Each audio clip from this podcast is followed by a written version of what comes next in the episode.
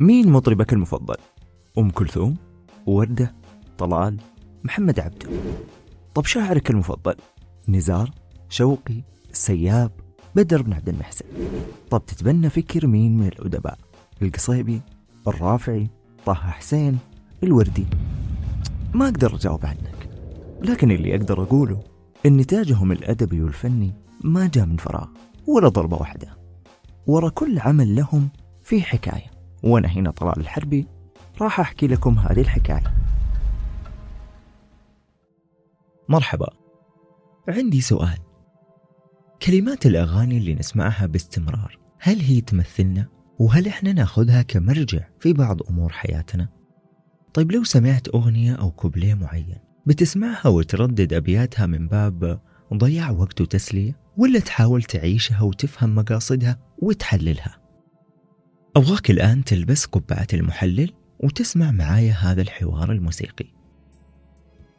تبدأ شيرين عبد الوهاب هذا الحوار وتقول خلتني أخاف على حبي ليك أكتر ما أخاف على نفسي منك. خلتني أرتاح للعذاب وأنا بين إيديك علشان بخاف من عذاب البعد عنك. وقفت حياتي عليك وبس وكأني بفرح لو لقيت قلبي اتظلم يرد عليها عبادي بتساؤل ويقول سألتك بالذي زانك. تحبي فيني حتى الظلم؟ تحبي عيوبي وغدري؟ تحبي المر في كاسي؟ يشاركهم طلال ويقول ظالم ولكن في القلب لسه هواك. يرد عليهم محمد عبده ويقول تعال افرض قوانينك ولا ترضى تكون حياد. تعال اظلم وأنا راضي بظلمك أول وتالي. ينهي عباد الجوهر هذا الحوار ويقول إن كنت ناوي تعذبني أنا راضي بتعذيبك وأحبك والحين الشنيف وبعد ما سمعت وحللت كيف تشوف هذا الحوار وهذه الكلمات؟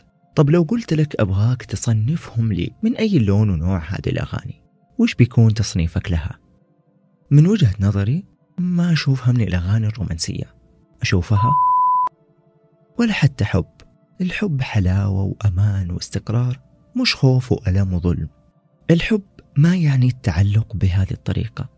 في نفس الوقت التعلق لا يدل على حبك للشخص إذا كان هذا الشخص مؤذي لك. تعلقك هذا ممكن يعكس مشكلة في تقديرك لذاتك. تدري وش أكبر خطأ؟ هو خلطك بين التعلق بشخص مؤذي لك بأي شكل من الأشكال وبين جودة العلاقة لك.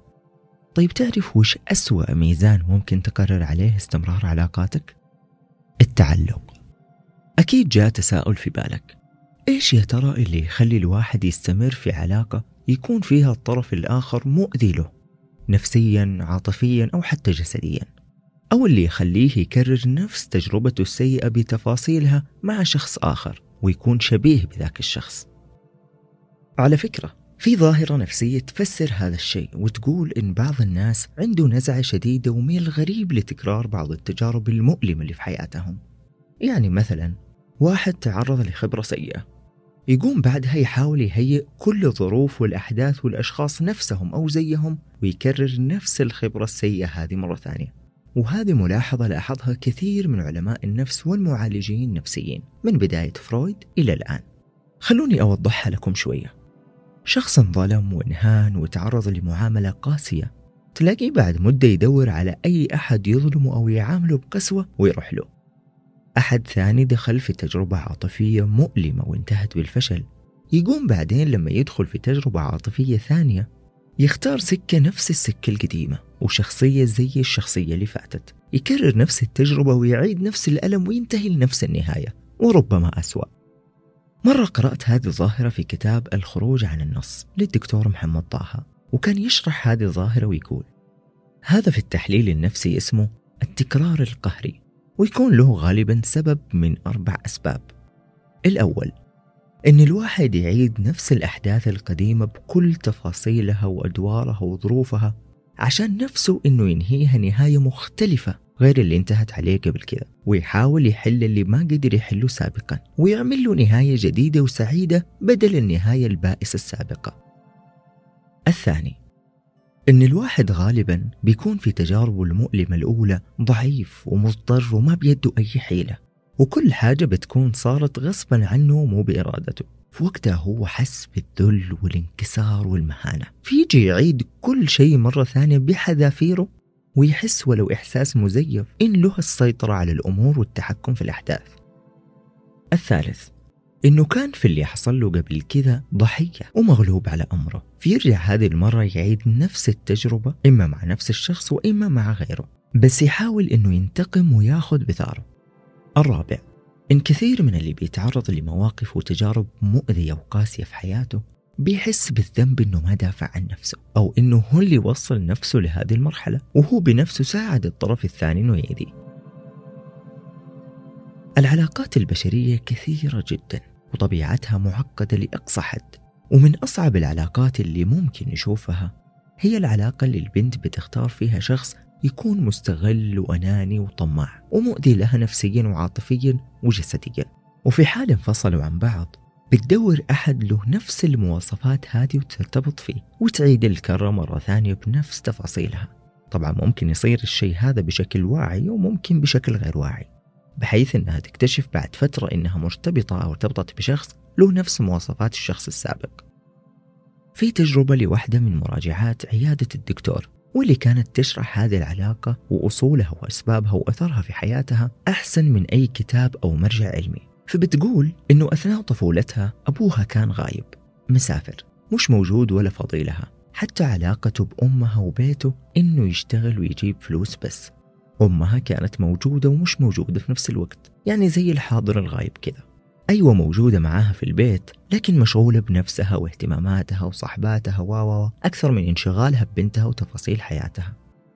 الرسالة النفسية اللي وصلت للبنت في هذا البيت هي إنه أنت مش مهمة أنت ما تستاهلي إن إحنا نهتم فيكي ووجودك مو فارق معنا.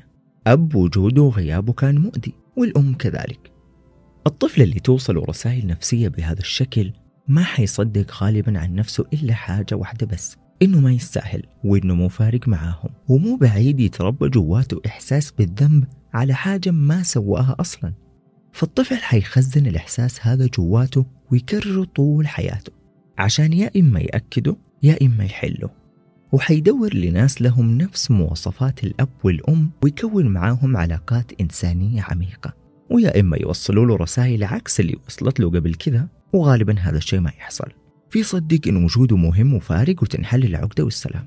أو يوصلوا له نفس الرسائل القديمة وهذا الأغلب الأعم ويتأكد عندها إنه ضحية وغير مسؤول. وهذا اللي سوته هذه المراجعة بالضبط. وتبدأ هنا باقي الخيوط تتجمع. قررت تعيد مشهد عائلتها بكل تفاصيلها مع خطيبها. كانت بتدور على أب له نفس مواصفات أبوها. الأناني الطماع المؤذي. مع اختلاف شكل الأنانية والطمع والهذا طبعا. كانت مستنية تحس معاه زي ما كانت تحس مع أبوها إنها موجودة حتى لو كان هذا السبب إنه يديها طبعا هو داها ولغى وجودها زي ما أبوها عمل معها بالضبط. كانت مصرة على الانتقام بالرغم من كل فرص النجاة. كانت بتنتقم في نفسها وبتأذي نفسها بالنيابة عنهم بدون ما تدرك هذا الشيء بشكل كامل.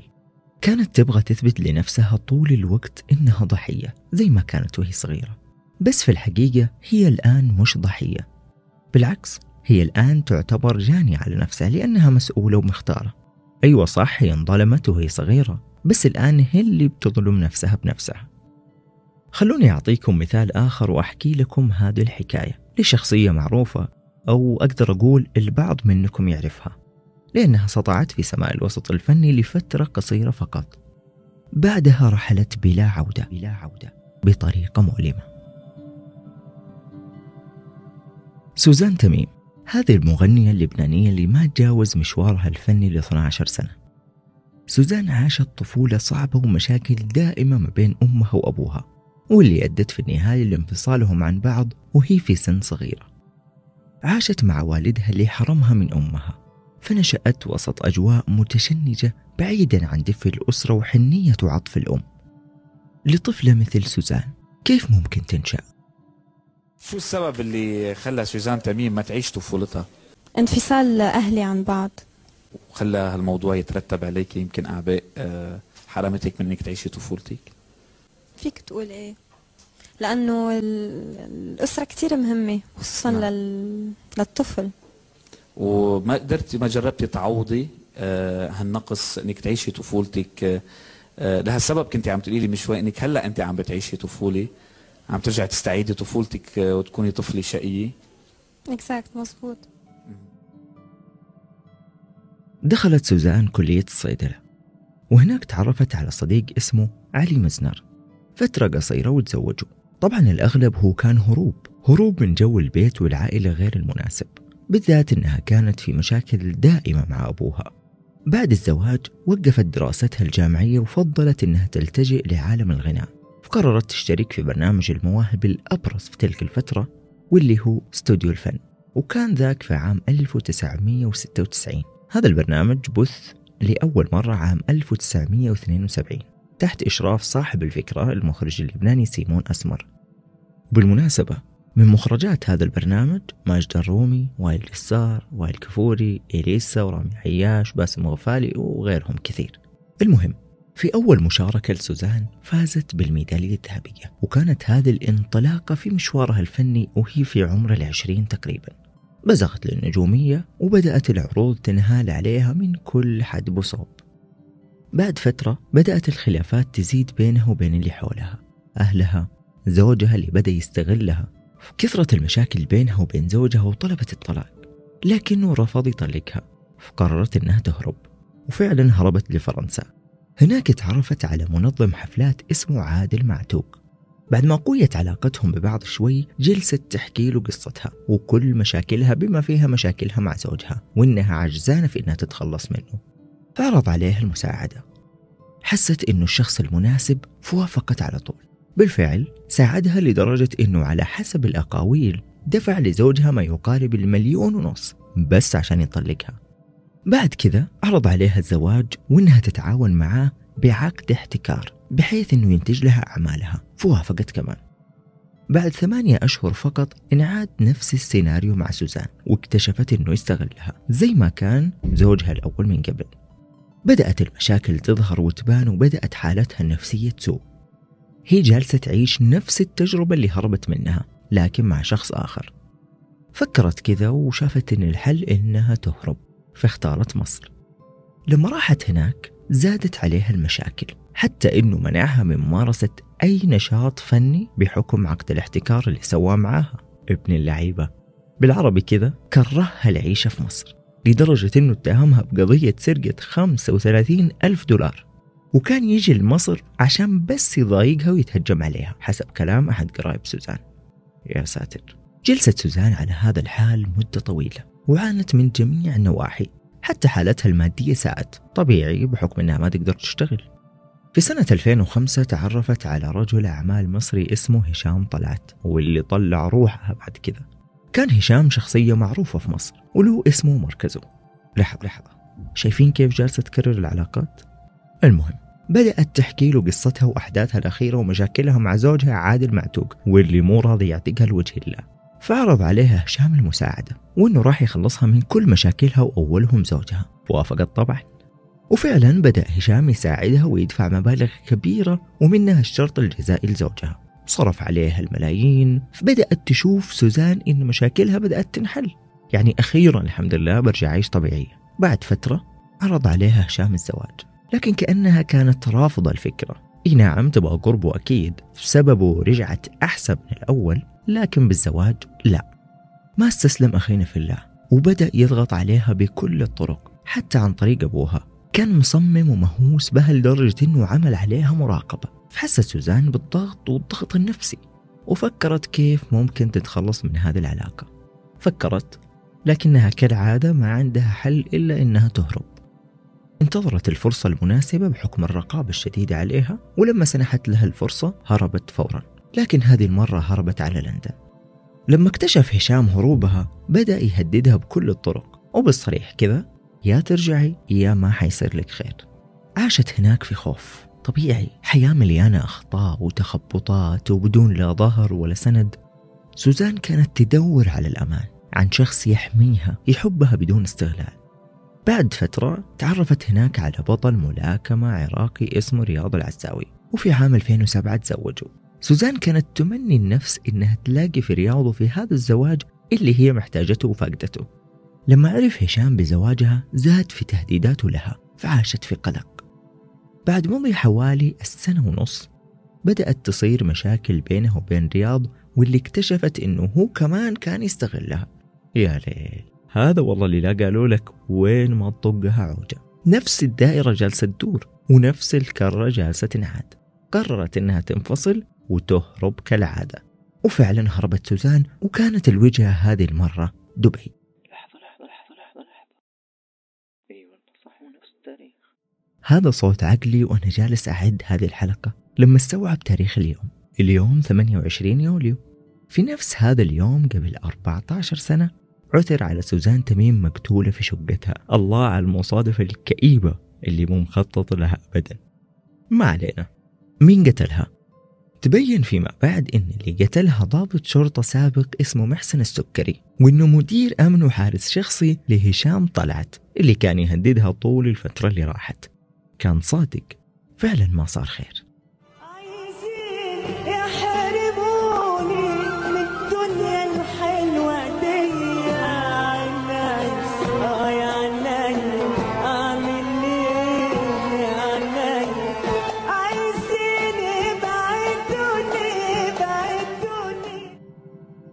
لقيت مصرعها بطريقة مؤلمة وهي ما تجاوزت الثلاثين سنة.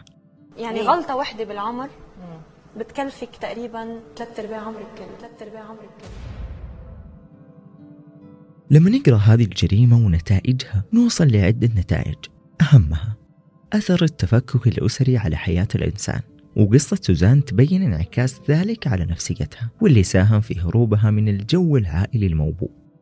تكرارها لعلاقات سامة ومؤذية باستمرار. زواجها لأكثر من مرة من الشخص الخطأ. هذا كله خلق لسوزان شخصية غير متوازنة. بختم هذه الحكاية بنصيحة للدكتور محمد طه واللي يقول فيها في كل مرة أنت بترجع فيها للي بيأذيك فأنت اللي اخترت ده وأنت اللي قررته وأنت مسؤول. في كل مرة بتحني فيها للي بيحسسك إنك ما تستاهلش فانت اللي اخترت ده وانت اللي قررته وانت مسؤول. في كل مرة بتروح فيها للي بيقلل من أهمية وجودك فانت اللي اخترت ده وانت اللي قررته وانت مسؤول. انت مسؤول.